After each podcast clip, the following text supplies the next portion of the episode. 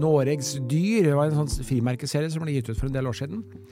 Og alle de bildene som var av store, store rovdyr, det var tatt i Finland. Det var ikke tatt i Noreg.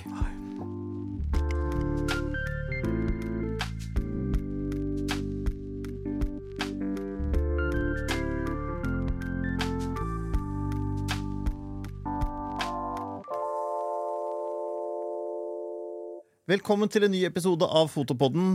Kjære ørevenner, kjære seere der ute. I dag har vi fått besøk av ingen ringer enn Tom Shandy. Naturfotograf, skribent, redaktør, magasinpublisist. Frilanser Ja, hva er det du ikke er, Tom? Velkommen. Tusen takk. Nei, det er, Ja, og kanskje ikke minst så har du jo en brennende interesse for vern av alt dette du fotograferer. mm. Og Det er kanskje også noe av grunnen til at vi har bedt deg komme hit i dag. For vi har jo snakket med, med naturfotografer før, men vi vil jo gjerne ha en litt sånn viktig vinkling på ting også. Mm. Mm. Du har nettopp kommet med en ny bok. Ja, Den heter Predator. ja. Så den handler vel om rovdyr, går utifra ut ifra? da? Store rovdyr i en moderne verden handler den om. Ja, Det er noen igjen av de også, selv i en moderne verden. Ikke veldig mange, men eh, det er noen, og de må vi jo prøve å ta vare på. da.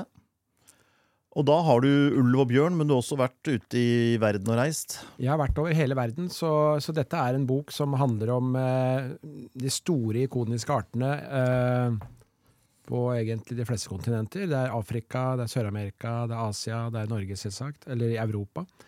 Eh, og husk på det at eh, en gang i tiden så regjerte jo pattedyrene, de ville pattedyrene regjerte jorda, men nå er det omvendt. Nå er det husdyrene, de tamme husdyrene og menneskene, som er 96% av alle pattedyr på jorda. Så er det 4 I biomasse. ja, ville, ville pattedyr. Er eh, bare 4% Det inkluderer mus og rotter i de fire prosentene? Ja. Akkurat.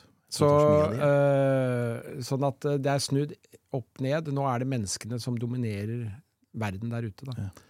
Og det vil jo si at det er, eh, det er lite arealer igjen til mange av disse dyra øh, rundt omkring. Og det gjør at det er konfliktfylt å, å ta vare på dem, og de kommer i konflikt med mennesker overalt. Så Eller er det menneskene som kommer i konflikt med dem? det kan du gjerne si. Det er, eh, det er det selvsagt. Altså, de var der først dyra var der først, og så kommer menneskene. Og, og da er det jo ille at vi eh, mange steder må utrydde dyrene for å, for å, for å ha plass til oss sjøl. Altså, jeg syns jo ikke næringer som på en måte baserer seg på å utrydde naturlig forekommende arter, det syns ikke jeg har livets rett. da. Nei. Så der er jeg ganske, ganske hard og litt sånn kompromissløs. Jeg mener at man må tilpasse seg den, eh, den naturen vi har rundt oss. Mm. Nå skal vi ikke bli altfor politiske her, men i dag så kom det jo et forslag fra Miljødirektoratet om å verne all myr i Norge. Det er veldig flott. Mm. Det er veldig flott. Men i, for to dager siden, på fredag, så kom det også fra samme departementet om eh, at man skulle felle ganske mange ulver Mm. i Norge. Det var Og- direktoratet som kom med Ja, Direktoratet kom der, og, ja, og og, så, departementet og så kom departementet på fredag om eh, at man starter lisensjakt på ulv. Og ulven er liksom den mest eh, kritisk trua arten vi har i Norge. Eh, og bestandsmålet for ulv i Norge, det er helnorske, helnorske familiegrupper, så er det tre. Hvis du tar med svenske grenseområder, så er det fire til seks. Det vil si at det er tre helnorske tisper som får lov til å, å forplante seg i Norge. Uh, og det er ikke mye, da. Og det gjør jo at vi naturfotografer uh, vi drar til Finland for å ta bilde av ulv og bjørn og, og sånn. Der er, det, der er det faktisk mulig å, å få bilder av det, men i, i Norge, Norge Norge, som det også står på noen frimerker, så står det Noregs dyr. Det var en sånn frimerkeserie som ble gitt ut for en del år siden. Og alle de bildene som var av store, pattedyr, store rovdyr, det var tatt i Finland, det var ikke tatt i Noreg. Og det ble det gjort litt nummer ut av, fordi vi har utrydda, utrydda artene i stor grad i Norge, men likevel vi vil, ha, vi vil reklamere dem på frimerker. Så, Vi hadde en annen naturfotograf her som hevdet at hvis du skyter Hvis du tynner ut i ulveområdene, mm. så kommer det ulv vandrende inn fra Sverige som kan gå gjennom ulveområdene og så utafor dem. Ja. det er. Mens hvis det er ulv i ulveområdene, så kommer de ikke gjennom. For Nei. de er så territoriale, og dermed så blir det mer ulv Mm. der hvor det ikke skal være ulv. Ja. Hvis du skyter ulv. Ja. Fordi øh, denne ulvesonen da, som vi har mot, øh, mot Sverige, eh, der er det Der har jo ulven egentlig fortrinnsrett. Mm. Fordi saueholdet er bygd ned, så det er lite sauetap. Så om du har tre familiegrupper der, eller om du har ti, eh, så, er jo, så blir det ikke noe større sauetap. Eh, men likevel, for å holde det bestandsmålet på de, de få antall gruppene man skal ha, så går man ut og faktisk gir tillatelse til å felle ulv i, i også ulvesonen. Da. Ja. Og da åpner det opp, som du sier. Da blir den gruppa borte. Og da er det fri passasje eh, fra Sverige, fordi ulvene fra Sverige, unge ulver der, de vandrer gjerne vestover. Mens de norske, norske ulvene av en eller annen grunn, de vandrer østover. De unge ulvene derfra. Og da er det gjennom ulvesonen. Også på andre sida, så er det utenfor denne ulvesonen, så er det, er det, så er det jo sau. Og, da, og, og streifulver de eh, er rundt overalt. Det er de som er oppe på Sunnmøre og plutselig tar de Ja, de kan ta hvor som helst. Men, men har du intakte uh, ulveflokker, så er det den beste garanti for å ikke få inn andre, eh, andre dyr. Da. For de er, de er voktere, ikke sant. Mm. Det er derfor man ikke kan drive med løshundjakt eh, på elg, f.eks. i ulveområdet. Fordi ulven vil jo ta, eh, ta eh, hunden. Ja, ja. Eh, fordi den ser på hunden som en inntrenger. Mm. Fordi alle verdens hundearter, eller raser, det er jo på bakgrunn av ulven. Mm. Alt kommer, altså Hadde vi ikke hatt ulven, så hadde vi ikke hatt lavinhunder, eh, blindehunder, eh, narkohunder, alle de der. Ja, og de, der, og de små pudlene, de kommer også fra ulv. Alt, alt som på en måte vi er så opptatt av, Mm. eh, som folk flest, er jo menneskets beste, beste venn, Mm. er jo hunden. Og da er det jo trist at den som egentlig er opphavet til alt dette her, ikke er menneskets beste venn. Den skal vi ha bort.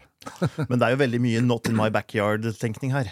Folk er jo ikke imot ulv, folk er bare imot ulv her. Jo, men, men det, det er litt interessant, fordi det sier jo gjerne folk oppe i bygdene, at uh, bare vent til dere får ulv i Oslo. Så blir, får du liksom en, en annen uh, uttalelse rundt det. Men vi har fått ulv i Oslo. Vi har ulv. Ulv i Sørmarka? Ja, Østmarka. Det er vel den veien, er ikke det? Eh, nei, det er vestover. Ja. ja, Men, men det, er, det er nesten bare steinkast fra hovedstaden i Norge, og der er det en ulvefamilie eh, som har holdt nå i flere år, mm. uten nesten at folk merker dem. Ja, Folk og, går på tur. og vi Masse- syns jo det er kjempespennende. Ja. Men det har jo noe med at A, den tar ikke sauene våre, og den tar ikke ungene våre. Nei, gjør Den tar ikke det. ungene noe sted, men den tar jo noen sauer der hvor det er sauer. Ja, da. den kan ta sauer ut mot uh, Enebakk og liksom på den østsida der. Ja. Men, men, men det har vært lite støy rundt den flokken Mm. i forhold til eh, mange andre steder. Så, så det går an. Uh, og det er litt av poenget i, i denne boka som jeg har lagd. Det handler litt om dette med hvordan forvalter vi Norge, og litt sånn sameksistens med rovdyr andre steder i verden. Mm. Så, så jeg har jo reist rundt og sett på dette her, og jeg, jeg er jo naturfotograf, øh, og øh, jeg syns det er veldig gøy å kunne bruke bilder i en eller annen øh, større sammenheng, utover meg sjøl. og, da, og da kunne lage en bok, for eksempel. Eh, det er noe veldig håndfast. Altså, Facebook Instagram, det bare Det er jo tusenvis, og så plutselig, to minutter etterpå, så finner du ikke igjen innlegget, for da er det jo kommet til bånn. Mm. Men en bok er liksom noe litt mer varig. Så lenge vi har bøker, så syns jeg det er bra. Så derfor så har jeg lagd eh, masse bøker, og dette er da nummer 43. Uh, og jeg syns det er en av de viktigste oppgavene vi som naturfotografer har uh, kanskje i dag. Det er jo på en måte å vise litt fram trusselbildet.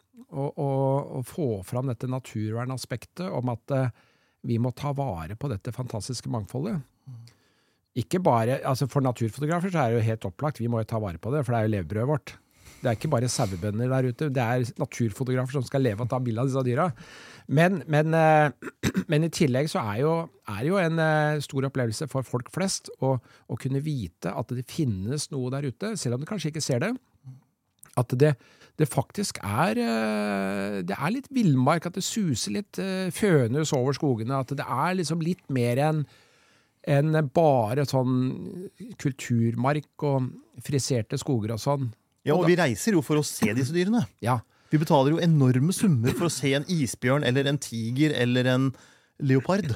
Nettopp. Og det, og det er jo litt av poenget, fordi eh, økoturisme, altså fototurisme, det å reise med kamera eh, rundt omkring i verden, det har jo blitt, det har jo virkelig tatt av. Det er jo gått i, oppover i alle retninger. Og, og jeg, har jo, jeg har jo reist rundt eh, Jeg var første gangen i Øst-Afrika i ja, 1986. Reiste rundt med telt og så på campingplasser, hadde løver ganske nære. Og det var ikke så mange turister den gangen. Jeg dro til Antarktis også i 1995. Det, det var jo båter som gikk nedover. Men nå er det liksom, jeg vet ikke, fem-tidobla. Svalbard, eksempel, det er jo så mye folk nå. Det er masse båttrafikk. Og India er det er masse. Så, og Østafrik, østafrikanske nasjonalparker er, har også masse, masse trafikk av turister. Så det øker, og det viser jo at det er interesse og at det er penger i alle disse dyra. Mm. Det, er, eh, det er masse penger i økoturisme, og i forhold til altså, ren jaktturisme, altså folk skal skyte, men, men det er liksom en, en trend om at eh, flere og flere vil se, de vil oppleve. Og det som er så fint med, med foto, det er at du kan skyte flere ganger. Og så lever, Samme dyr, ja. ja. Samme Ja. dyr, ja, motiv, og det lever. Og, og neste gang så får du kanskje et enda bedre skudd på dyret enn du hadde første gang. Du treffer kanskje enda bedre. Men hadde du vært jeger, så hadde den jo vært dau for lengst. Men, men vi kan hele tida Så kan vi så tar vi fra den ene, så får du skikkelig skudd der, og så går du rundt, og så får den i backlight etterpå. Samme dyret. Den lever fortsatt. Det er fantastisk. Det er jo så moro å, å jobbe med, med dyr i forskjellige lyssettinger, da. Uh, så jeg uh, det, det, er jo, det er jo fantastisk, og det å kunne reise og nå, og nå har jo disse tilbyderne av fotoreiser de har jo blitt proffe. Altså For 20 år siden så, så var det jo ikke noe særlig tilbud til oss. Altså, vi dro på Lykka framme, nå, nå er det jo vokst opp sånne ja, Vi har ferdig kamuflasjehytte. Det er bare å komme opp til fotobonden, ikke sant, Oppe i dalen. Så står hytta klar, og det er gassovn, og du har kontorstoler, og liksom Det er bare å å kose seg, og du trenger ikke å vite så innmari mye om motivene, egentlig. Eh, Det er bare å sette seg inn, og så kommer ørna, da. Da må du kunne fototekniske, selvsagt, men, men, men eh, trenger, trenger ikke å vite så mye om ørnas biologi. I gamle dager, jeg, jeg hadde Jeg hadde også hatt egen fòring på kongeørn.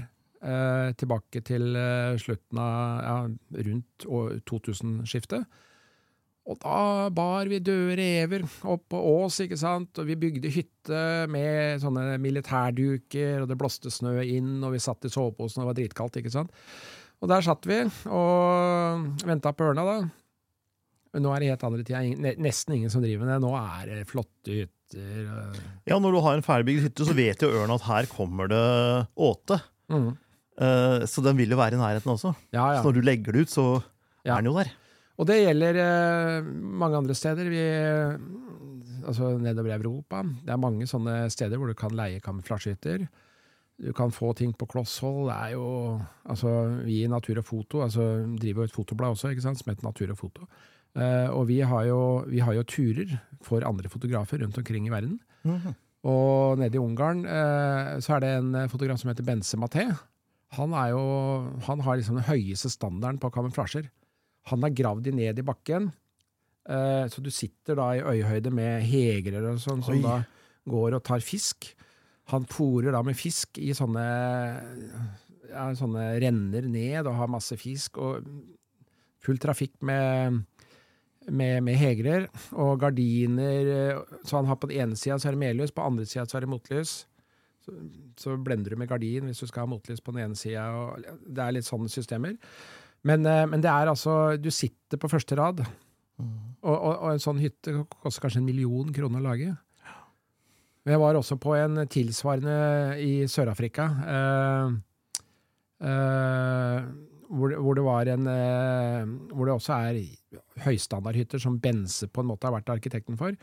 Vi kom opp der, hytte grad ned, bitte lite vannhull foran. Det er bare tre meter fra den ene sida til den andre. En sånn liten bue. Og der var det fem plasser inne. Eh, og, og så kommer dyra og drikker vann. Og det er med sota glass, så du fotograferer den ene veien. Og, og der kan du få Vi hadde jo nesehorn, ikke sant.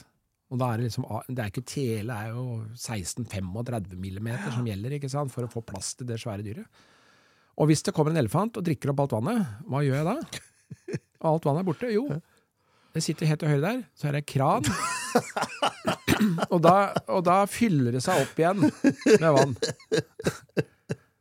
Og, og faktisk så var den eh, også, også bak sjølve kamuflasje der vi satt, da, så var det et lite kjøkken. Der var det mikrobølgeovn, og det var kjøk, kjøleskap, og det var til og med flush-toalett.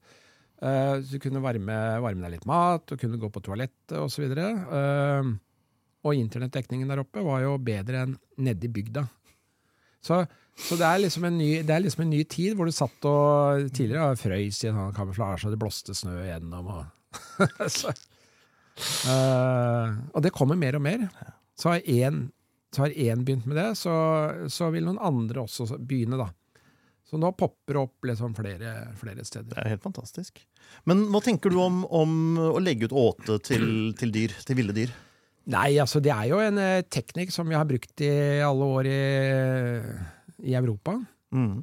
Uh, jeg ser ikke noe gærent i det. Det er ikke noe forskjell på å legge ut kjøtt enn å legge ut f.eks. solsikkefrø til kjøttpeisen. Det er jo mm. litt av den samme effekten. Uh, og for mange av disse artene som da er på en måte har litt lave bestander, og som er litt trua i utgangspunktet, så er det klart at uh, litt støttefòring av vinteren, det, det, vil jo hjelpe dem gjennom vinteren og, og, og øke overlevelsen da, for ørn, f.eks. Ja, hvis ikke kongeørna lærer unga sine at der er det alltid mat, så du trenger ikke, jeg trenger ikke lære deg å jakte på mus og rotter, for det er mat der. Ja, men, eh, men, eh, men ørnas atferd er sånn at de, eh, de streifer jo rundt, og så, og så finner de et åte dette er på en måte, Her ligger et åte, et dødt, noe dødt noe. Ja, For de tar mye åtsler uansett? De lever veldig stor grad av åtsler. Ja. Og, og, og, det er klart, hvis det hadde vært Det har vært oppe i Hemsedal, så har det vært tilfeller hvor det har vært snøskred og tatt kanskje flokk på 20 rein. Da Da er det jo mat i ukevis. Mm. Da vil jo ørnene spise der hver dag. Ja. Uh, og så er det, syns jeg det er fint at uh, vanlige folk kan oppleve disse dyra og se dem med egne øyne og ha dem på nært hold. Og, og det gir også på en måte litt sånn ambassadører uh, til å stå opp for vern av mange av disse artene. Og jeg syns det er fint at eh, lokale folk, da eh, ja, så Fotoboden og Ole Martin Dali oppe i Flatanger og osv. Uh, det går an å lage arbeidsplasser hvor de faktisk kan leve av å vise fram, vise fram dyr. Alle i vår bransje har jo hørt om Flatanger. Ja. Altså Flatanger er en knaus ute i havgapet ja. i Nord-Trøndelag. Ja. Og alle i vår bransje har hørt om det. Og, det er, uh... ja, og ikke bare i Norge, men hele Europa. Er, det er velkjent. Mm. Så folk kommer dit. og Uh, og det samme borti dalen, ikke sant, hvor uh, BBC og alle, alle, De lager jo naturprogrammer derfra. Mm veldig bra reklame for eh, ja, den kommunen der borte. Tokke, Tokke kommune i Telemark, eller Flatanger da, der oppe. Og så ser jeg det dukke opp flere sånne. Du har eh, Okset nede på, på, Sørlandet, driver med hauk og ørn. Og så har jo han, eh, han eh, Jo eh, oppe i Østerdalen, som også driver med ja, Og du trenger ikke dra så langt. Kai Jensen har jo et skjul i Nittedal. Kai Jensen, ikke sant? Mm. Han, har, han, har, også hauk, og, og så har han jo hatt øh, øh, Han har jo hatt grevling da, på natta. Jeg har jo sjøl vært der oppe, mm. så, så det, er, det, er, veldig artig. og Folk finner liksom Det er sånn nye greier. liksom, Ja, ok, jeg drar og sitter og fotograferer grevling en natt. Eller ekorn, for den saks skyld. Mm. Folk betaler. Altså, det er, det er betalingsvilje, og det var jo Første gangen jeg dro til Finland da, for å fotografere bjørn, det var jo i 95. Det er jo snart uh, eh, 30 år siden. Uh, og da, da, sa folk til meg at ah, betale for å sitte og fotografere? Nei, det var, det var det ingen som ville gjøre. Kolleger og sånn. Men i dag så er det blitt vanlig. Du betaler eh, om du betaler på sånne, sånne steder, eller om du betaler Natur og Foto for å bli med oss på steder som vi på, på steder hvor vi har gått opp løypa, Mm. så, så er folk til å beta- villige til å betale. Mm. Og Natur og Foto, vi har turer over hele verden nå. Vi har, eh, I år så har vi hatt uh, Vi har vært på Falklandsøyene med gruppe. Det er langt unna, men det er et fantastisk sted å fotografere. Jeg har så lyst til å dra dit. Ja, det er, altså, alt står jo bare og venter på deg. altså Pingviner og alt. Det bare, og, og så var vi i India, fotograferte tiger, og så dro vi opp i, i Himalaya og fotograferte snøleopard. Og så har vi vært i Ja, så var vi i, i, Ung, i Ungarn og fotograferte, fra skjul, og så er det og så har jeg vært i Kenya, Masai Mara, og så var jeg siste turen nå, var i Ecuador i eh, august, nei, i oktober, to måneder siden. Uh, hvor vi fotograferte brillebjørner. Oi. Det er ikke så mange som har hørt om annet enn på barne-TV. Uh, og, og så neste år så blir det Nå blir det Canada, Island, uh, uh, Uganda blant annet de første månedene. Mm. Og, og på disse turene, mange av disse turene er kjempedyre. Folk, eh, det er folk der ute som har penger, og som er villige til å bruke det, eh, de penga på den type opplevelser istedenfor mye annet eh, skrot. da. Istedenfor å dra til Syden og sånn, så, så blir de med oss på Eller i stedet for å bytte bil annethvert år, så bytter de Ja, hvert fjerde år, og så Ja. har de råd til en sånn tur. Så blir de med på en sånn tur. Så det, det er veldig, veldig artig, syns jeg. Mm. Eh, Um, I Norge så er jo Jeg vet ikke om vi skal si vi, men i hvert fall veldig mange har en sånn frykt for den ulven. Mm. Og jeg hørte et en sånn debattprogram på TV det er en del år siden nå, da, men der var det en dame som bodde rett ved E6, og nå turte hun ikke slippe ut barna for å leke, for hun hadde hørt det var ulv i nærheten. Mm. Og det er når du bor rett ved E6. Mm. Mm. Men ulv, eller rovdyr i Norge, tar ikke folk. Nei. Jeg gjør ikke det. Den tar vel enkelte bikkjer tar enkelte bikkjer. Uh, og en del sau. og en del sau, og de tar litt elg og sånn. Mennesker er uh, veldig Veldig, veldig få som ble tatt. Det er jo, Siste på bjørn var jo i 1906. Ja. Uh, da var det en, en gjetergutt som ble tatt. Døde av skadene den gangen. Eller det var 1904, kanskje. Det var oppe i Vassfaret. Men ulv er vel eh, 1700-tallet, eller Altså jeg har jo, Når vi er i Finland, jeg har jo gått gjennom skauen der eh, fra skjul og bort til bil på natta, vel vitende om at eh, vi er et område hvor det er en ulveflokk på en seks-sju dyr, og hvor det er åtte-ti bjørner. Jeg lever jo fortsatt, da. Mm, Så, du er ikke blitt drept en eneste gang av dem? nei, og jeg har vært i jeg har vært i Alaska ikke sant, og fotografert fiskende bjørner. Laksefiskende bjørner. Vi så 22 bjørner fra ett sted. Fiska laks. Og jeg gikk jo på en sånn sti gjennom en sånn skau egentlig helt aleine. og masse sånn, sånn tråkk av bjørnetråkk og sånn over stien og sånn. Men de er, eh, de er opptatt av laksen. Mm. De er ikke opptatt av mennesker. Så, så det er ikke Men er det noe av kjernen til problemet? At de konkurrerer med oss om jakttrofeene? Ja, altså det er jo en av grunnene. Uh, Altså, Norske sauebønder pleier ikke å ha så veldig stor politisk innflytelse i Norge. Men straks elgjegerne kommer på banen, ja.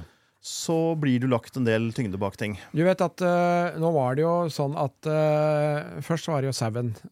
Ulv tar ikke så mye sau i og med at de har bygd ned det saueholdet i ulvesonen.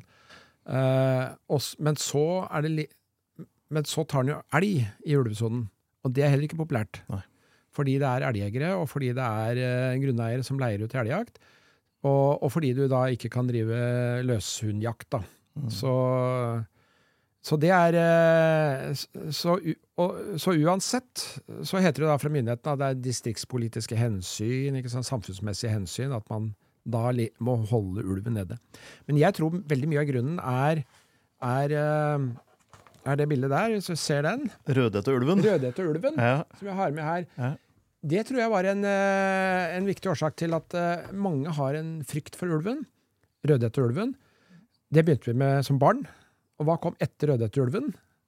Jo, da kom jo storulv og de tre små griser. Det kom jo Donald. ja, var- men de tok jo rotta på ulven, da, så Ja, de tre små grisene var jo smarte. Men eh, ikke sant, så begynte med rødhette og så var det tre, så storulv. Og, og når du blei litt eldre, hva, hva var det du så på TV da, eller på film? Det var jo varulven. Ja. Varulven, den var jo skummel, ikke sant? ja. Og, og hvis du leste Bibelen, så var det jo ulv i fåreklær. De var jo spesielt skumle. Så hele, i hele vår historie, sånn kulturhistorien, er jo, så er jo ulven en, eh, en luring. Jeg har lyst til å få ta, prøve å få tak i litt ulvekjøtt, så jeg kan lage ulv i fårikål. Ja, ja det hadde vært noe. Men, men eh, sånn- Og i, ja, i norske folkeeventyr og i, i, altså i sagaer og sånne ting, så er det jo Ja da. ja. Og det er alltid Mange av disse historiene eh, skjer jo gjerne rett før jul. Og da er det liksom Det er fattiggutten, ikke sant. Eh, lille julaften, og det er eh, hest og slede og ulver som kommer etter uh, sleden og henger seg på. Og soldater som blir tatt, og uh, sverdet som fryser fast i slira, ikke sant. Da får ikke brukt og Så det er masse, det er masse myter og, og historier. Og mange av de historiene er, de er gode, det er sikkert gode historier, er spennende historier, men, men eh, de har ikke så mye med virkeligheten å gjøre. Og, og jeg har sett jeg har vært på disse, Nå har jeg sett ulv i Jeg har ikke sett i Norge, jeg har sett mye i Finland, og jeg har sett den i India. eh, og jeg har sett den i Canada eh, og Alaska. og alle de ulvene er veldig sånn De smyger seg rundt, de er liksom litt sånn forsiktige og nesten litt sånn halv mellom beina. Og de er ikke sånn veldig tøffe frampå, altså. Så Og jeg har jo sett eh, på enkelte steder eh, fotografer som har vært på vestkysten av British Columbia, f.eks. De har jo de har jo hatt ulv eh, helt bare på en to-tre meter som har passert og vært nysgjerrige. Så eh, Jeg vet ikke om det kan sammenlignes, men jeg ble omringet av en hyeneflokk. eh, på i hvert fall åtte hyener i en, på en campingplass, en ubemanna campingplass i en eh, nasjonalpark i Tanzania. Mm. Og de eh, Før vi gikk og la oss i teltet, så holdt vi øyemenn og lyste vi på dem. Så vi Mm. kunne se øynene lyse. Og vi antok at så lenge de visste at vi visste hvor de var, Mm. så ville de ikke gjøre noe. Nei. Og vi gikk og la oss i teltet. Da var det altså en millimeter nylon som skilte oss fra Ja. den flokken. Men de gjorde ingenting. Men de gikk rundt og rundt og rundt teltet. Mm, mm. Så når vi våkna om natta noen måtte på do, jeg dro opp glidelåsen, så løp disse si nei. Og så var det titusenvis av fotspor rundt teltet. Da hadde de gått og sirkla rundt det teltet hele natta. Ja. Men de hadde ikke tatt klørne sine og bare lagd en rift i teltet og tatt oss. Nei, det er ganske typisk det. At de, de går liksom ikke gjennom, uh, gjennom et telt da, og prøver seg. Samme løver også. Jeg har også ligget på campingplass med, hvor vi så løver når vi la oss i teltet. Mm. Og, og, og jeg midt på natta uh, da plutselig fikk uh, diaré og måtte ut av teltet. Mm. Det var litt skummelt. Eh, og da måtte jeg liksom gå, vi var jo liksom åpen plass, og da måtte jeg liksom bort til krattet der. Og Der hadde vi sett, sett løpet på kvelden, og så må det bort der, raskt, ut, tømme seg, og så tilbake igjen. Dra igjen glidelåsen. Ja, det var i krattet også. Ja. Det var ikke noe Ja, det var litt sånn kratt og sånn borti der. Ja, Nei, det var ikke noe ordentlig toalett, så uh, Det er litt sånn scary episoder, men, uh, men uh, løver Altså, jeg har jo vært sammen med masaiene, og i begynnelsen av september var jeg sammen med masaier i Afrika, og de de, eh, de går jo sammen med løver. altså I Masamara, eh, hvor de masaiene Der er det ca. 500 løver. Hvis du tar med Serengeti, som går inn i Tanzania, så er det ca. 3000 løver. Mm. Og de, er, de går bare med spyd. Og, og Men de lukter jord, sier de. ja, altså, De er mye mer forsiktige når de har med seg turister, for de lukter jo ja, så mye rart. men, men, men den derre silhuetten av en, av en lang, tynn masai med, også med røde klær og det Mm. spydet, det får løven til å trekke unna. Og de, og de gjeter sine dyr. Men, men eh, det er ikke bare løvene som tar, uh, tar kveget, det er jo også, også hyener, da. Så Mm. hyenene er kanskje enda verre. Men jeg har sett en liten masai-gutt som ikke kan ha vært mye mer enn en 11-12 år, som gikk og gjeta en flokk med geiter. Mm. Ja. Eh, og bak, ti meter bak han så gikk det en hene og luska. Men, men det er jo også artig at uh, med tanke på hvor, uh, hvor redd man liksom er for ulven i Norge så På 1700-1800-tallet, de som gjette husdyra, det var jo barn. Mm. Fra 8 til 12 år. Barnegjetere. Mm. Det var masse barnegjetere rundt omkring i, i Norge. og og sendte man barna sine ut i villmarka for å gjete dyra hvis, hvis det var fare for at de ville bli spist av ulv? Det tviler jeg på. Mm. Så, Og det kan jo hende at man har lagd en sånn myte om disse farlige dyra også, fordi for å holde barn f.eks. i leiren og rundt husene Nei, du må ikke gå du, Nå må du bli her. Hvis du går inn i skauen, kan du bli tatt av ulv eller Mm. bli spist av farlige dyr og sånn. Og da er barn redde, og så holder de seg mer hjemme, da. Mm. Det kan godt tenkes at det er noen sånne, sånne mekanismer også. Uh, men det er klart at uh, alle de store rovdyra, altså ulv og bjørn spesielt, er jo kapable til å drepe mennesker. Og de kan gjøre det i helt spesielle situasjoner, og det er gjerne hvis de blir trengt opp i et hjørne, da. Uh, og hvis du kommer mellom binna og, og ungene da, på en bjørn, Mm. for eksempel. Eh, og så er det jo de som har blitt mest tatt av tatt av bjørn, eksempel, det er jo, det er jo bjørnejegere. Altså, det, er ikke, er ikke mor ute med bærspannet. Det er elgjegerne som har, er godt bevæpna. Det er de som gjerne opplever bjørnens frede, kanskje fordi de har, har uh, skutt og truffet litt feil og såra bjørnen, ikke sant? Og så får de den etter seg, da. Jeg var i en, nasjonalpark, en annen nasjonalpark i Tanzania, Sadani, for en del år siden. Og den var så ny at der var det en landsby fortsatt inne i nasjonalparken. Mm. Mm. Og en dag så så vi alle barna gå fra landsbyen og til skolen. Og dagen etterpå så kjørte vi samme veien, og da var det både løve- og leopardspor Ja. langs den veien Ja. hvor alle de barna gikk. Ja. Så Men jeg har, jeg har jo altså dette med, med frykten da, for, uh, uh, for disse artene, og, og, og det som på en måte er norsk Hvis du skal bare Jeg kan bare si kort hva som er veldig mye bare bla opp i boka. Ja, skal jeg bla opp i boka, og så skal jeg bare vise deg hva som er norsk rovdyrpolitikk. Mm. Og det er det bildet her. Ja, Der har vi bilde av to felte ulver. Ja. Ja. Dette er myndighetene som har felt, eh, med helikopter. Eh, bildet er tatt, Det er ikke mitt bilde, det er kjøpt av Stein Bjørge i Aftenposten. Jeg syns det er et glimrende reportasjebilde som viser eh, for fullt som, eh, hvordan norsk politikk er. At det gjelder å, å skyte og felle.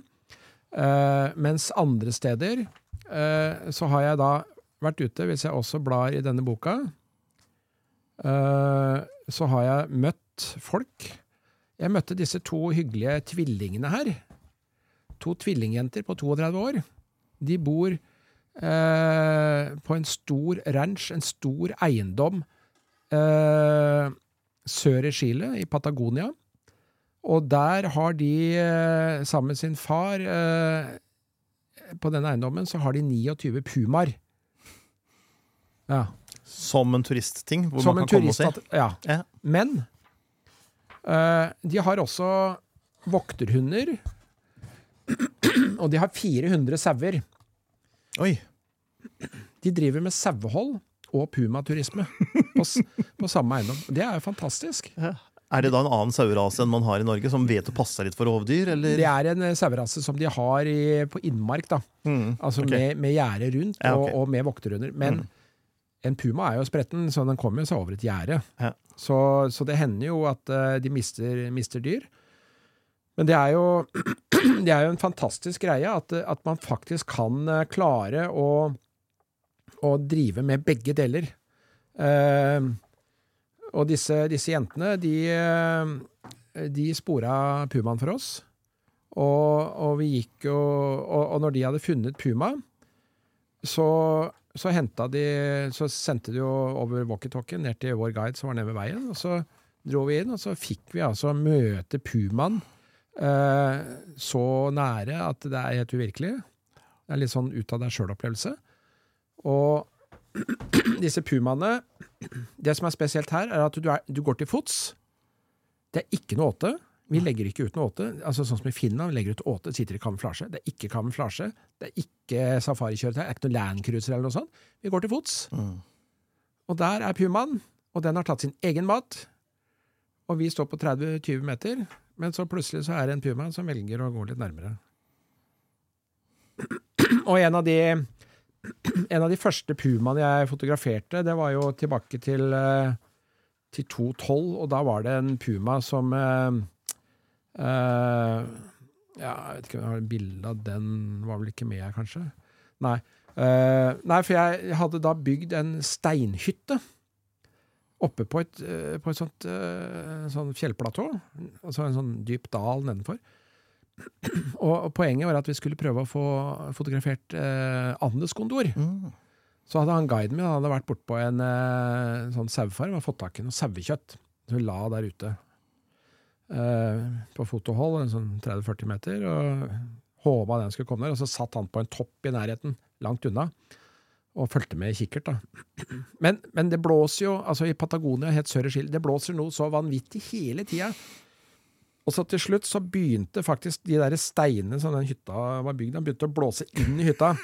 De begynte å rase inn i hytta, så jeg satt der, så jeg måtte evakuere og gå ut.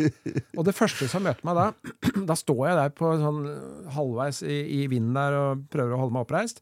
Så ser jeg bort på øya på en, eh, på en puma, ti meter unna. Og står, og han ble ville ha sauen, den òg? da vil han si kanskje det. Ja, nei, ja kanskje det. Men uh, den ble jo like overraska som meg, da. Så den stakk og forsvant ned i sånt uh, Ned i det der juvet der. Og så kommer guiden etterpå, og så går vi, og så går vi opp på toppen av fjellet, og så ser vi ned, og så, og så klarer vi å finne igjen hvor han har lagt seg, for da har han lagt seg bak en stein i ly for vinden, da. Så sier han til meg, du, gå ned, du. Skal jeg sitte her oppe og følge med? Eh, så sitter jeg her med kikkerten og følger med, og så går du ned. Uh, ja vel, ok, ja. Nei, det går greit. Så, så jeg gikk aleine ned, uh, ganske bratt og sånn. Og så til slutt så, så klarte jeg å se hvor han var hen. Jeg gikk i en sånn bue, og da lå han bak den steinen, og da var jeg, så reiste han seg opp, da var det 15 meter unna. Da var det bare meg og pumaen. Ingen guide, for guiden satt jo da 200 høydemeter opp med kikkert. Var bare meg og den, og den så på meg, og jeg så på den, og jeg tok bildet, selvsagt, og så, så gikk den videre, og, og ned eh, på et lavere platå. Og da kunne jeg faktisk følge etter den. Så seinere, en times tid seinere, så fant jeg en der nede, og da lå den bare og sov. Og da kunne jeg sitte på, på 15-20 meter og observere den i flere timer, eh, og den bare lå der. Og når den sov, så hva gjorde jeg da? Jo, jeg sov litt, jeg òg. Så jeg, eh, du, jeg lå og dubba litt der. Altså, altså når den våkna av, så tok jeg bilder og For det er jo veldig, veldig få rovdyr egentlig som har mennesket som øh, næringskilde. Altså som, har, som naturlig vil ta mennesket for å spise. mm, Løver man hører om, er jo stort sett desperat sultne gamle hannløver. mm, Som er blitt sparka ut av en eller annen flokk, eller ikke har noen flokk, og, og sliter med å jakte. mm. Nei, av, av disse artene så er det vel eh, nesten bare isbjørn som er i den veldig farlige kategorien. Mm. Så, men selv isbjørn er, eh, er veldig sjelden han forgriper seg på mennesker, men, men det, det, det har jo skjedd innimellom, da. Jeg husker jo, Vi husker jo kanskje fra TV eh, Arne Nævra, Mm. som er en god kollega av meg. Han, han var jo borte på denne Vrangeløya eh, øst i Sibir, eh, og der er det vanvittig mye isbjørn. Og, og der gikk man eh, Og han var sammen med en russisk eh, forsker. Eh, og han gikk aldri med gevær. For det var livsfarlig å bruke gevær. For hvis du da skyter og treffer feil, så er du jo ferdig. Da kommer han og tar deg. Så de brukte bare lange kjepper. Sånne høye, tre meter sånne Oi. Ja, så de gikk med det, da. Og liksom holdt, holdt isbjørnen unna. Eh, så det, det gikk jo bra. Det ser jo litt skummelt ut og sånn. Uh, man skal jo ha litt, uh, litt nerve for å gjøre det, spesielt med isbjørn. Men på, på Svalbard så er det jo, så er det jo påbudt, selvsagt, og alle må ha våpen. Ja. Det vet- var jo en sånn vits på 90-tallet, i hvert fall. om Hva kaller man en student på Svalbard? Bamsemums. Bamsemums. ja, ja. Men, men poenget med denne boka er jo også litt å avdramatisere dette med rovdyr, og, og, og vise da den konflikten, altså den, den norske greia, med at eh, alt må felles, alt må holdes nede. Vi skal nesten ikke ha rovdyr, selv om de er kritisk trua, selv om de er på rødlista. Eh, og den kontrasten til andre land som på en måte bygger opp sine rovdyrbestander, eh, og hvor man da klarer også å lage en turisme, lage økonomi ut av, av disse dyra. Det syns jeg er fantastisk. Jeg har jo hatt med folk eh, også på eh, Hatt med folk på for eksempel eh, eh, På disse her jaguarene. Det er jo også Det er vanskelig å finne, er det ikke det? Det var vanskelig. Jeg var jo Jeg var jo nede i Jeg var jo nede i Patagonia Nei, i Pantanal i Brasil allerede i 89-90. Helt umulig å se, se dyr. Mm. Og så hadde jeg min første store opplevelse i 2008.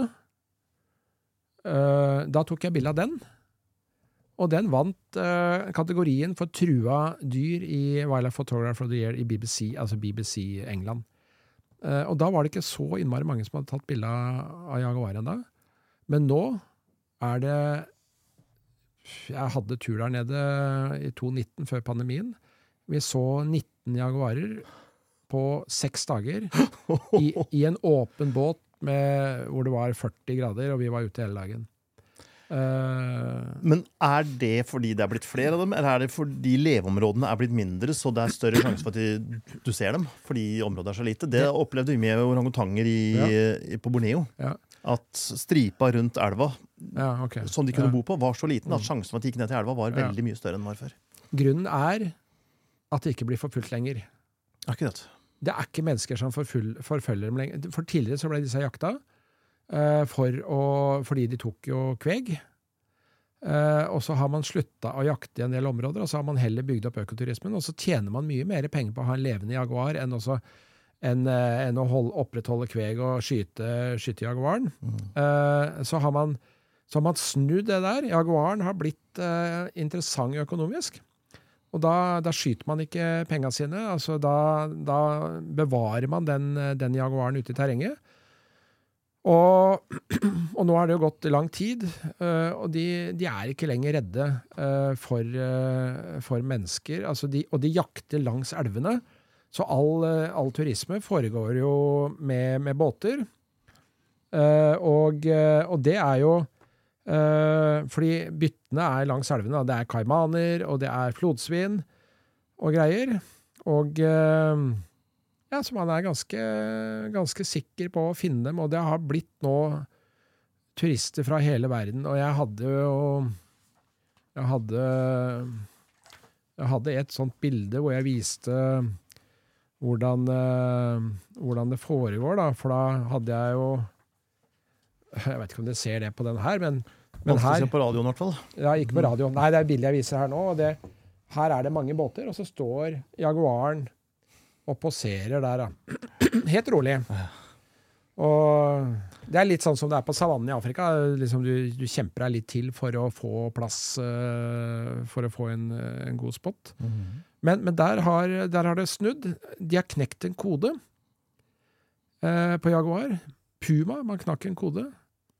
Ved at de ikke jakta puma i det området. På den eiendommen så har det ikke vært jakta på 30 år. Og når han, eh, puma, eller han eh, landeieren starta med pumaturisme, eh, så syns jo de andre rundt der, de andre godseierne, de syns jo han var en tulling, ikke sant? De vil, for de hadde jo ansatt egne pumajegere som, som tok seg av de dyra. Og så drev han og på en måte skulle drive turisme på det, og det var liksom ikke populært da. Men nå begynner det å snu, for nå begynner de andre å tenke ja, kanskje vi også, for han ser jo det at han tjener mye penger på dette her. Mm. Kanskje vi også skal satse på levende pumaer, og ikke bare skyte dem. I en verden hvor naturen forsvinner på alle hold, så er jo det å kunne tilby levende dyr, det er jo en kjempeverdi. En kjempeturistverdi. Det er jo det er jo som eh, folk, de drar jo og ser på, på slott i Europa, de drar og ser på Peterskirken. Det er jo ikke så mange sånne kirker som Peterskirken i Europa. Er, og USA har jo nesten ingenting, for det er jo så nytt. Og det betyr at de, der kultur, de gamle kulturskattene de er veldig verdifulle. Og dette her er jo naturskatter som er like verdifulle. Og, og det blir jo som at eh, Nei, altså, trenger vi de gamle kirkene? Ikke sant? Uh, du vil jo ikke fjerne kirkene. Du vil ikke fjerne rovdyra. for Det er, det er uh, uvurderlig. Altså, det, er, uh, de kan, det kan egentlig ikke settes noen prislapp på den verdien de representerer. Da. I en verden som blir mer og mer eh, kulturisert, altså hvor alt er eh, strigla. Mm. Det er asfalt, betong, og så kommer du i skauen, og så, er det, så står trærne på, på rekke og rad. Altså det er, eh, det er planta skog. Mm. ikke så veldig spennende, egentlig, og lite, lite dyreliv og alt mulig sånn. Og det må vi sette fokus på som naturfotografer. Mm.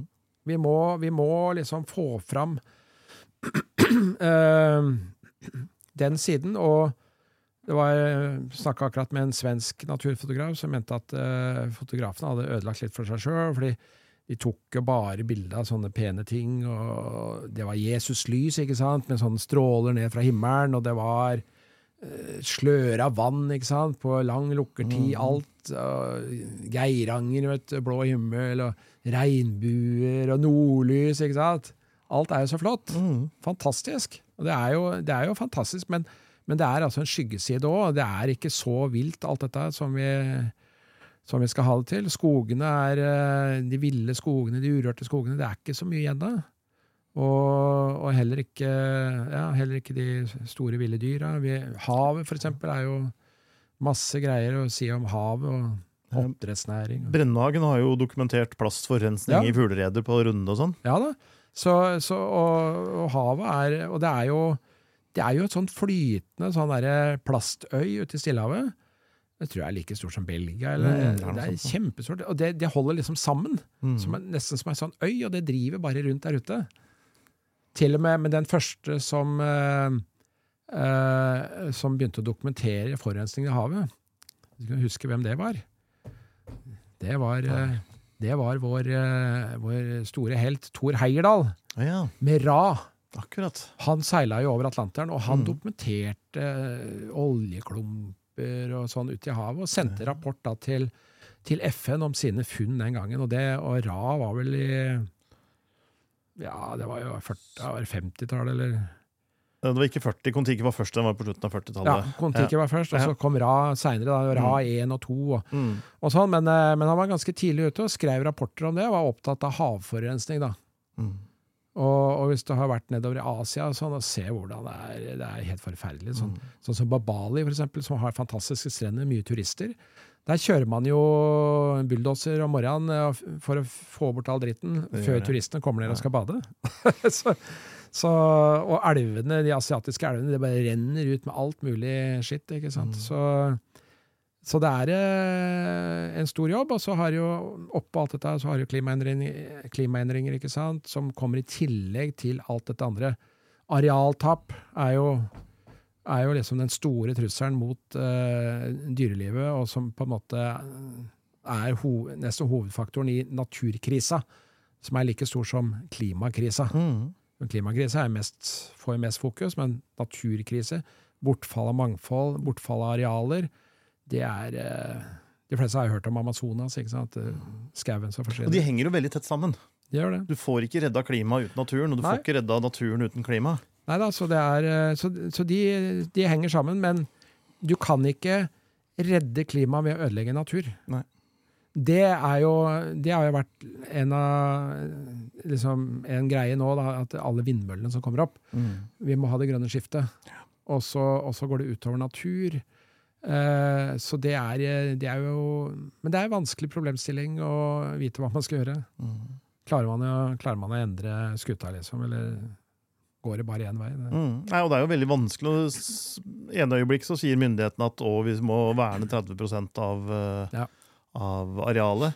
Og i neste øyeblikk så skal de legge E6 gjennom Ja. et verna område.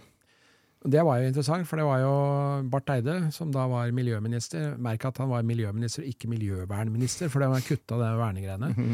Og, og han var jo da ca. et år siden, det var vel i desember i fjor, hvor han var på naturtoppmøte i Canada, og hvor man signa den avtalen om 30 Uh, og så kommer han hjem, og så er det første han gjør, er jo å signere en avtale om uh, en, eh, at du, et dødsdekret om at du kan uh, utrydde en ulveflokk i Norge. Det var det første. Og så var det andre. Det var at han eh, lagde den Syntes det var greit å lage motorvei gjennom et naturreservat. Mm. Og så, og så sa han etterpå at eh, men det er nok til det beste for naturen. Altså, Den løsningen de kom til, var, den var veldig god for naturen. da. Og, de, og, og da kan du endre, du kan endre litt av verneforskriftene. Utgangspunktet er jo naturreservatet for at du skal At det skal være verna nettopp mot veibygging og andre industritiltak. da. Så, og så gikk det litt tid til, og så ga han jo fellingstillatelse på en uh, binne på, med to unger da, uh, oppe i Trøndelag, som det også var mye diskusjon om i, sist sommer. da. Og ikke nok med det, så også i fjor uh, våres en gang så sendte han forespørsel til Miljødirektoratet om eh, om de kunne utrede muligheten for å senke bestandsmålet for ulv og bjørn.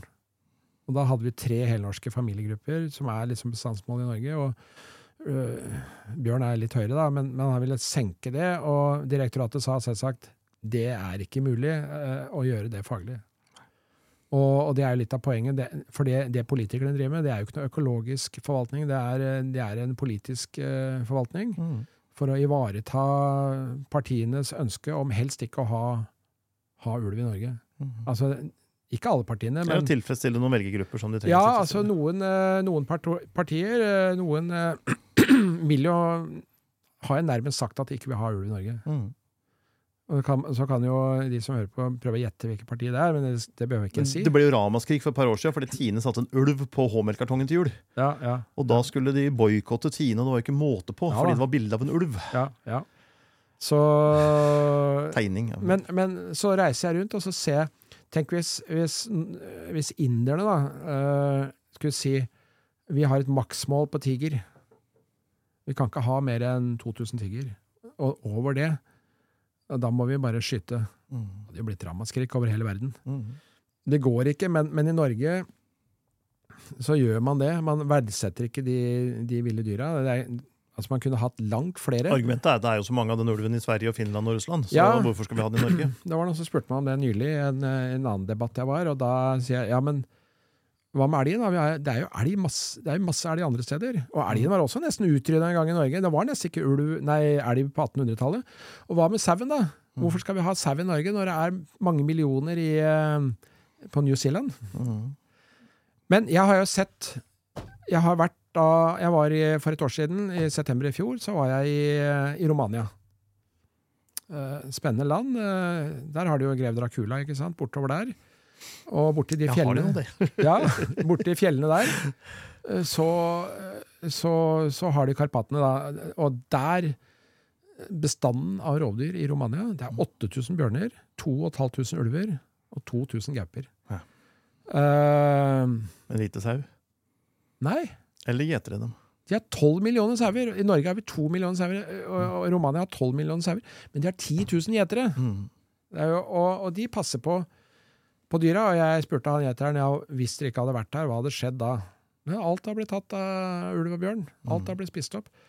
Så de passer på dyra. Og, og, og det går De mister jo noen dyr sånn innimellom, men også har de vokterhunder. Men så, hvis jeg kommer hjem og sier det, ja, Romania gjør sånn og sånn, så blir det ramaskrik. Fordi nei, nei, nei, det er helt håpløst. Fordi den rumenske modellen kan du ikke bruke i Norge. Fordi sauene er en helt annen type, og det er helt annet sauehold.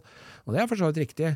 Sauene i Romania de blir jo ikke sluppet ut om våren og, og henta inn om høsten. De går sammen med gjeteren fra dag til dag, og så blir de tatt inn om kvelden i sånne kveer. Og de blir til og med melka, så de bruker melka på sauene. I Norge så har vi jo geitemelk, men vi har ikke mm. sauemelk. Uh, så, eh, mens i Norge så er jo topografien er jo veldig sånn eh, Det er vanskelig, og du klarer ikke å holde oversikt over alle disse dyra. Og, og, og, og sauene er jo i dårlig stand, altså de klarer ikke å løpe. De er jo avla fram for, å, for kjøtt og, og, ull og alt mulig, og, er jo ikke akkurat øh, Klarer jo ikke akkurat å unnslippe bjørn og sånn, eller ulv. Uh, sånn som de gamle sauene, som hadde mer sånn forsvarsinstinkt, som du kunne gå mer i ring, nesten som moskusokser. Mm. Og, og liksom. Ja, eller bare flytte seg. Jeg har hørt at f.eks. villsau ja. de løper jo når ulven kommer. Ja. Så ulven tar én, og så er de andre borte. Ja, ja. Mens vanlige sau de blir jo bare stående. Og ulven har jo sånn instinkt at hvis den får tak i det, så tar den og da tar den bare neste og neste. og neste, neste for de blir bare stående. Og det er, eh, det er, det er jo når det er sånn eh, Det er sånn super, superfredag. Eller svart Black Friday. Black Friday. Ja, For da, da, er det billig, ikke sant? Mm. Og da må du bare sørge for å fylle opp uh, kjøleskapet eller fryseren. Mm. Og det gjør ulven, da. Så den, den, vil jo ta Sørge for at den har mye mat, da. Det mm. er instinkt. Så Så, men, men, nedi, men det med sauehold i Norge, det er uh, Vi har ca. to millioner sauer i Norge, og av de to millionene så forsvinner 100 000 på beite. Uh, og av de 100 000 så er det 15-16, kanskje opp mot 20 000, som blir eh, erstatta pga. at de mener at det er rovdyr som har tatt dem. Men det vil si at det er bare, det er bare 20% det er 80% av sauene dør av andre årsaker mm. i, eh, i, utmarka. Så det er klart, hvis man hadde passa på sauene på en, en, eller annen måte, eh, så, så, kunne man jo hatt eh, bevart kanskje ikke alle de 100 000, men en stor andel av de 100 000. Så hadde man vært bedre, bedre butikk sånn sett. Men det gjør man altså ikke. Og det, og, og det å ha gjetere i Norge, det sier man det er jo for dyrt. Fordi disse gjeterne i Romania, de får uh, ja, de får 3000-4000 euro i året. Det er deres uh, årsinntekt. Pluss sauemjølk og ja, ull og kanskje litt kjøtt. Ja, litt ost og sånn. Ja. men uh, Så det er jo Men, men jeg mener at uh, hver gang man kommer opp med noe, så, så er, man, er på defensiven. Man er man vil, ikke, man vil ikke gjøre noen endringer, fordi man vil ha det sånn som man alltid har hatt det. Uh, og det, det, mener jeg er feil, fordi jeg mener at uh, en næring må tilpasse seg nye tider. Og, og, du kan ikke i dag ha en næring som på en måte uh, baserer seg på utryddelse av arter. Det er veldig gammeldags. Jeg husker jo, jeg er født i Drammen, oppvokst i Drammen, og der var jo papirfabrikker langs Drammenselva, og de forurensa noe innmari. Elva var jo, var jo så møkkete, og det var jo masse mort i elva, den blei kalt for dassmort. Og det var jo fordi det var forurensa, men etter hvert så, så, skulle man jo rense opp den elva, gjøre den mye bedre. Og da blei det jo forbudt å forurense i elva. Da kunne ikke bedriftene etter hvert si nei, men vi har gjort det sånn i alle år, vi det vil koste for mye for oss å legge om driften. Mm. Så, så de, eh, de, måtte bare kutte ut og forurense, og elva er jo nå sånn at nå kan du bade inn. Mm. Uh, og da mener jeg altså eh, Også med det med sauer. altså Saueholdet må tilpasse seg at vi er nå i en situasjon hvor vi faktisk har, har rovdyr. Uh, forholde seg til det som en del av natur, da, altså på lik linje med at uh, det er, det er klegg og mygg og stup og alt der ute. Så det er noen arter vi er tilhengere av å utrydde, så er det kanskje klegg. klegg og mygg. Ja, man, men, uh, nei, men, jeg skal nei, ikke. Det er mye, mange fugler som er glad i myggen, da, så, men det er jo klart uh, Knotten er kanskje enda verre. Så det er uh, Nei da, men det er i hvert fall sånne ting jeg, jeg, jobber med. Og nå har jeg reist rundt og holdt foredrag i fotoklubber og forskjellige andre steder. Og, og fortalt om rovdyr og, og sånn, og det, det syns jeg er veldig, veldig givende. Mm. For, for, to år siden så reiste jeg rundt med en annen bok, og da var det 'Fuglenes fantastiske verden'. Det var et annet produkt jeg laga. Men det er også litt om trusler i, om fugler. Mm. men nå er, det, nå er det rovdyr. og og, og, da legger man uh, hodet sitt for hogg, og det er klart at uh, det er jo krefter der ute som syns jeg er en dust. Mm. Uh, jeg var nettopp i en TV-debatt, Dagsnytt 18, og, jeg har etterpå 1. desember? Ja, det var på fredag. Ja. og da, da, har jeg jo sett at for en idiot Det var noen kommentarer han, han Shandi, han er idiot. Men Hvis det er det tyngste argumentet du får mot deg, så bør du jo kanskje tenke at du antagelig har rett? Ja, altså De har liksom ikke kommet opp med noe særlig, særlig annet. Men sånn har det vært. Jeg jobba jo med rovdyr i Verdens naturfond på, på 90-tallet, og da var det, en, var det en svenske som ringte eh, rundt til flere av oss som drev med ulv og rovdyr, og lurte på hvor vi bodde. og We don't want any wolves, uh, begynte han med. Og Shandy go home to England, for han trodde etternavnet mitt at jeg var engelsk. Uh, og han, uh, han, ble til slutt dømt, han, i Sverige for telefonterrorisme, og ble fradømt retten til å ha telefon. Oi. Men han møtte opp i, i retten, visstnok, overfor, overfor en annen uh, rovdyrforkjemper her i Norge, og, og, det viste seg å være en veldig sånn liten, puslete kar som satt i rullestol. Han, var, og han hadde en sånn litt sånn skummel stemme da, når han ringte til folk, så syntes jeg det var ekkelt. Men han var liksom ikke så tøff, da. Det er jo, Alle disse nettrolla er jo som regel eh, Det er jo bare troll. altså de, Mm. de, de er jo ikke der i virkeligheten. Nei, og de fleste av de er jo ganske harmløse. Det er jo verre når de tunge kreftene kommer inn. Altså, Mm. Hvis noen er redd for elgjakta si, så er elgjegere i Norge er nok en ganske mektig gruppe. De har noen ganske Mm. Ja sterke krefter med seg. De er, eh, de er mektige, og de er, eh, de er mange, mange selvsagt. Utkant-Norge er sterke. Mm. Så, men jeg, jeg må jo få lov til å reklamere reklamere litt for Ja, Vi har jo et blad også som heter Natur og Foto, som mm. jeg starta sammen med, med Bård Næss, Kai Jensen, Merci Abrahamsen i 2010. Eh, Kai var med i starten, men uh, nå er det Merci og Bård og meg som, som har drevet dette bladet i alle år, og dette er siste nummer, og det er Vi har holdt koken i, i uh, 13 år. Dette er siste nummeret. Det er blad nummer 69. Og det er jo på, på 90 sider, så det er blitt noen tusen sider.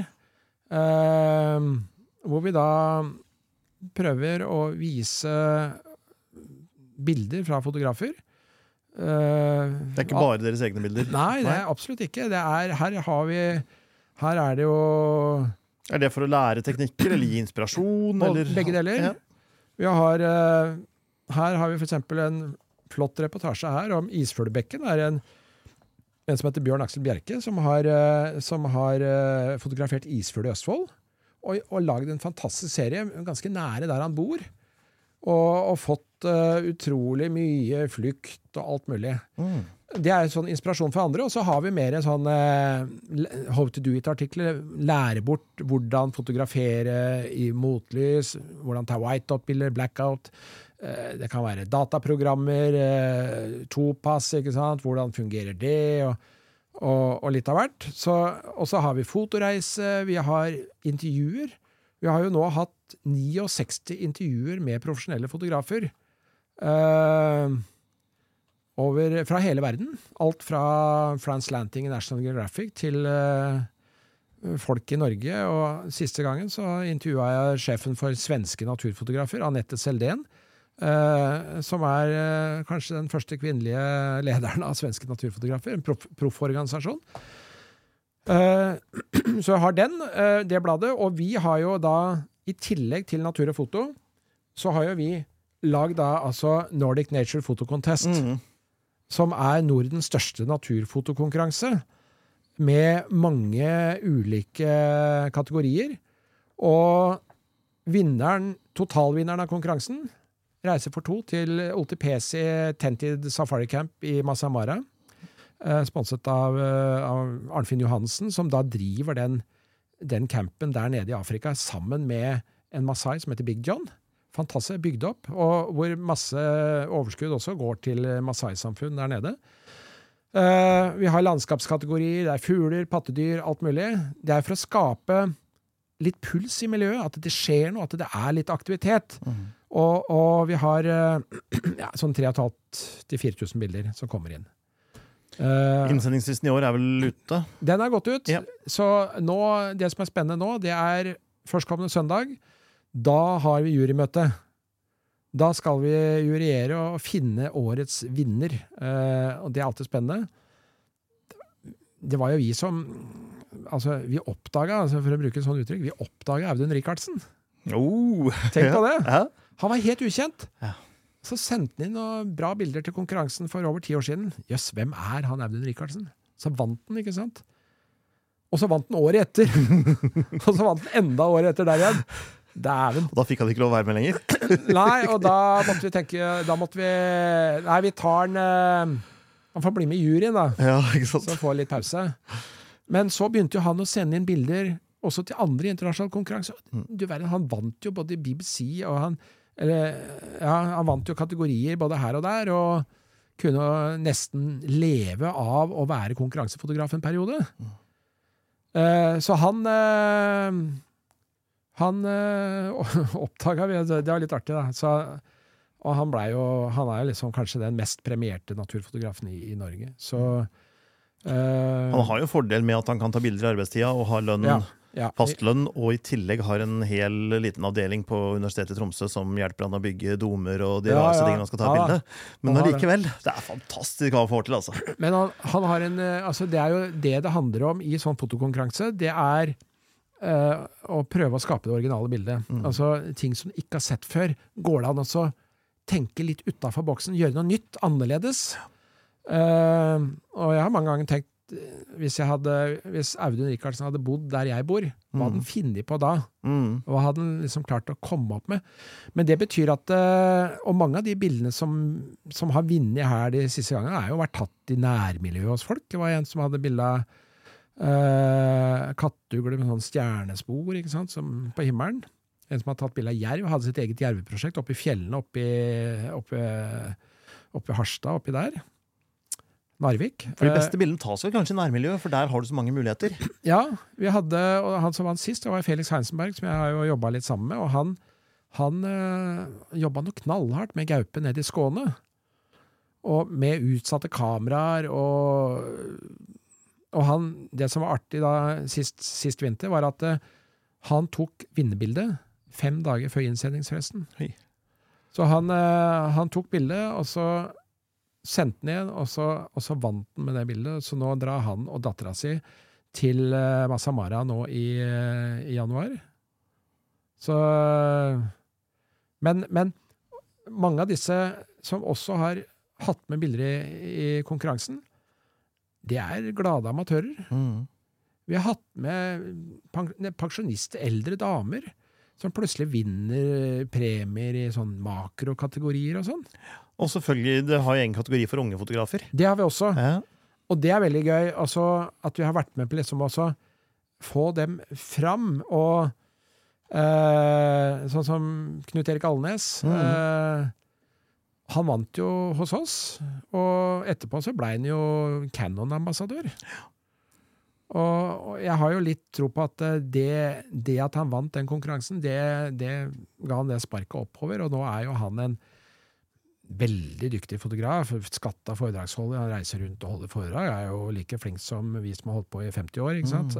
så, øh, og han Tobias Gjerde, for eksempel, det, det er sånn, men det er ikke så mange av dem, det er noen få, men de er kjempedyktige. Mm.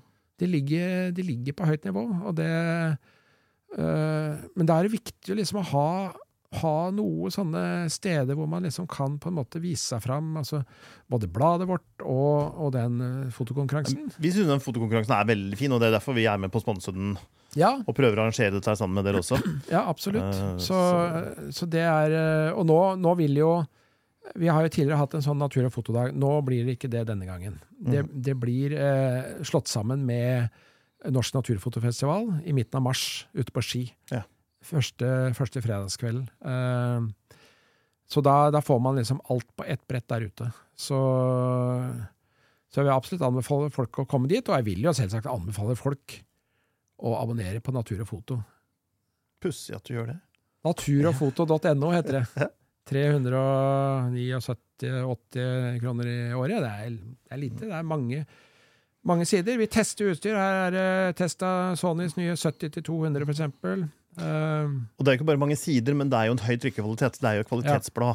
Ja. Så det er jo bilder man virkelig kan kose seg med. og og det, det er jo litt for meg som har jobba med bøker og tidsskrifter og sånn, så det er jo noe spesielt å se bilder på trykk framfor å bare se det på Facebook Mm.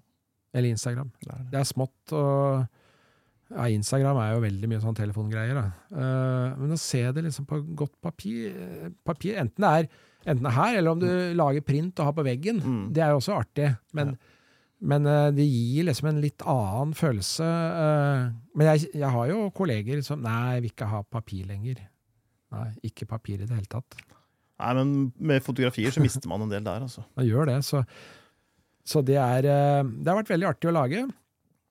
Men, men alt på papir går jo nedover. altså Alle blader går nedover. Det daler nedover. og Det er jo det er jo tøffe tider overalt, og det vet jo dere i foto.no. og Det er tøffe tider for, for fotobransjen. og ja, Det er mange konkurrenter uh, rundt omkring, og kameraene Kameraene blir jo, har jo blitt så gode nå at eh, til og med bestemor kan jo ta gode bilder, altså vinne i konkurransen vår. Det er ikke noe Tenk på, de, tenk på hvordan det var.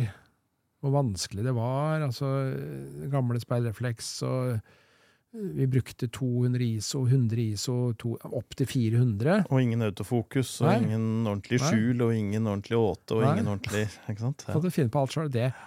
Men, eh, men for oss som har vært med en del, så var jo det en spennende utvikling. Mm. Følge hele den utviklingen.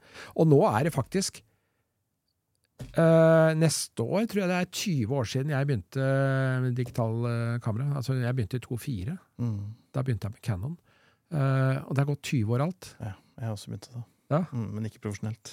Nei, 20 år. Så, og, og nå er det allerede med, med disse speilløse det er, Jeg vet ikke hvor mange år det er nå. Er en Altså Det er 15 år siden det første kom, men det er jo mye kortere tid siden profesjonelle begynte å bruke det. Autofokusen var på høyde med speilrefleks osv. Jeg bruker R5-en, og det er jo faktisk eh, Canon R5. Det er vel en fire år eh, Ja, den, Noe sånt? Ja. Så det begynner å bli mange år på den òg. Og så Mm. kommer det hele tida nye Det blir mer og mer piksler, og det blir mer og mer funksjoner. Det, men det verste nå for oss er jo at nå har jo AI kommet òg, så nå kan vi bare sitte hjemme og kose oss og lage falske bilder.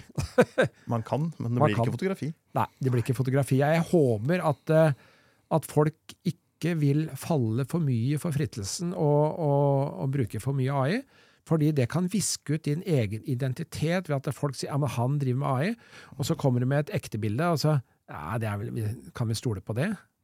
Nei, men man har jo hatt synthesizer i mange år. Man bruker Ja fortsatt ekte instrumenter. Ja. Man har hatt øh, Hva skal man si Fiction, altså prosa, Ja. øh, i mange år. Man skriver fortsatt dokumentar. Mm. Øh, det ene forsvinner ikke selv om det andre kommer.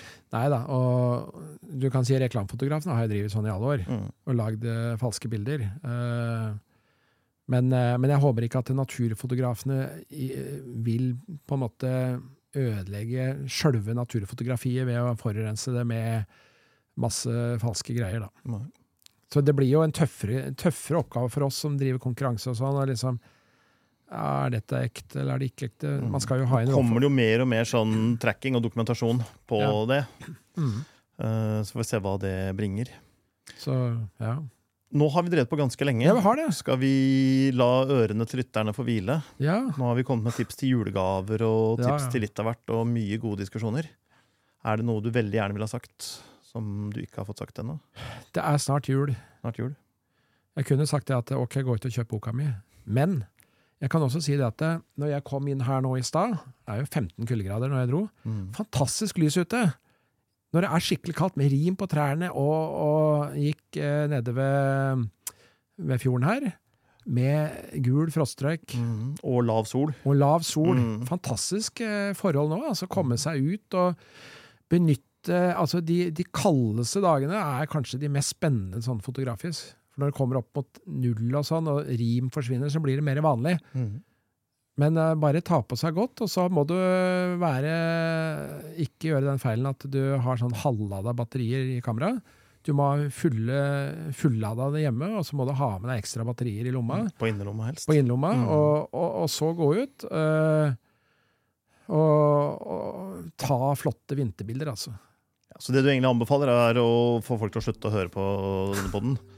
Det kan dere gjøre. Ta rådet til Tom. Slutt å høre på oss nå, men kom tilbake om en uke. Tusen takk til alle som så på, alle som hørte på. Vi ses.